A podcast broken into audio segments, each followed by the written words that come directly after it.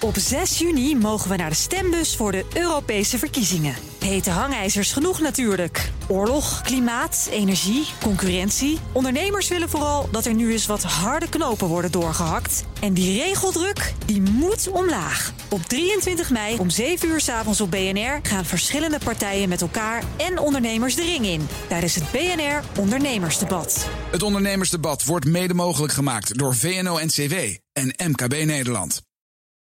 Ja, deze mevrouw Cifuentes is de premier van de regio Madrid. En zij heeft haar cv wat op kunnen leuken met een, een mooie master in de rechten die zij behaald heeft aan de Koning Juan Carlos Universiteit. Dat was in 2012. Alleen nu zijn er journalisten in Spanje gaan graven en wat blijkt, ze is eigenlijk nooit naar les geweest. Ze heeft nooit een examen gedaan. Er moet wel een dissertatie zijn, maar die wordt niemand, werkelijk niemand, kan die dissertatie vinden. Ze hebben het enige document wat ze hebben kunnen produceren dat zij werkelijk die master gehaald heeft, is een document dat er een, een, een, een bijeenkomst over die dissertatie geweest is. Waar drie mensen, daar moest zij dan presenteren. Dat document is er. Dat document is echter gemaakt nadat dit een schandaal werd in de media stond. En twee van de drie mensen die daar aanwezig waren, of aanwezig zouden zijn geweest, hebben inmiddels laten weten dat ze op die specifieke datum daar helemaal niet waren. Dus uh, het is uh, nou ja, wer werkelijk idioot. Ja, als je je cv wil opleuken, dan moet je naar deze universiteit. Geweldig. Uh, waarom stapt ze niet gewoon op? dit, dit is nog het soort schandalen dat normaal een eind maakt aan iemands politieke carrière. Ja, ik, ik kan me nog herinneren, de minister van Defensie, dat was 2011 volgens mij in Duitsland, Karl Theodor Soen Gutenberg, die had inderdaad ook plagiaat gepleegd. Nou, dat was echt, zijn politieke carrière was direct over. Maar Cifuentes, ondanks dat de aanklager nu een uh, zaak tegen haar heeft aangespannen, staat drie tot zes jaar op het uh, vervalsen van documenten. Cifuentes weigert gewoon om te vertrekken. En nou is de partij voorzichtig gewoon te kijken of ze toch niet al iemand anders hebben die ze naar voren kunnen schuiven als ze weggaat. Dat zou dan pa uh, parlementariër Pablo Casado moeten zijn. Wat blijkt nu? Die heeft precies, maar dan ook werkelijk precies hetzelfde gedaan. Die zegt ook: Ik ben nooit naar les geweest, nooit naar een examen. Dat, uh, ze hebben van tevoren gezegd dat dat uh, helemaal niet hoefde. Maar ik heb netjes een dissertatie uh, geschreven. De dissertatie is echter nergens te vinden. Dus naar de studenten van deze universiteit die zijn al aan het staken, aan het demonstreren. Die zijn er helemaal klaar mee. Want dit is ook niet het eerste schandaal. Een vorige directeur van deze universiteit die gebruikte het werk van zijn studenten om te publiceren. Dus dat noemen wij gewoon plagiaat.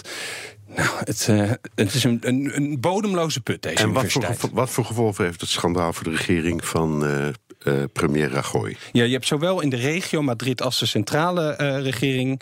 Die, uh, daar zit een minderheidsregering. Dus die zijn eigenlijk afhankelijk van de partij Ciudadanos... vrij jonge, liberale, beetje rechtse partij... om gewoon te kunnen regeren.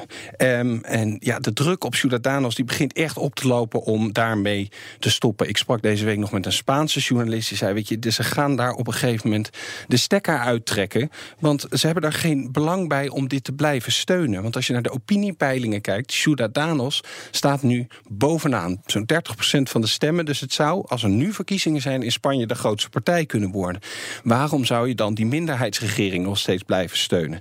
Nu is het nog zo dat oppositiepartijen zeggen: deze mevrouw Cifuentes, we moeten een motie van wantrouwen, ze moet weg. Ciudadanos zegt: ja, ze moet weg, maar wij willen die motie nog niet steunen. Maar werkelijk iedere dag komt er een nieuw hoofdstuk, wordt er toegevoegd aan dit schandaal. En op een gegeven moment gaat Ciudadanos toch eieren voor zijn geld kiezen. Zou uh, het uh, gevolgen kunnen hebben voor uh, de onafhankelijkheidsstrijd van Catalonië? Nieuwe verkiezingen. Ik, ik, denk het eerlijk gezegd niet, omdat Ciudadanos ook een tegenstander van die onafhankelijkheid is. Nou weet je natuurlijk nooit wat er gebeurt als er ineens over vijf maanden verkiezingen zijn. als het linkse Podemos die zou winnen, dan verandert de dynamiek in Spanje.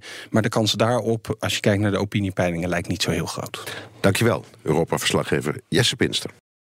Op 6 juni mogen we naar de stembus voor de Europese verkiezingen. Hete hangijzers genoeg natuurlijk. Oorlog, klimaat, energie, concurrentie. Ondernemers willen vooral dat er nu eens wat harde knopen worden doorgehakt. En die regeldruk, die moet omlaag. Op 23 mei om 7 uur s avonds op BNR gaan verschillende partijen met elkaar en ondernemers de ring in. Tijdens het BNR Ondernemersdebat. Het ondernemersdebat wordt mede mogelijk gemaakt door VNO-NCW en MKB Nederland.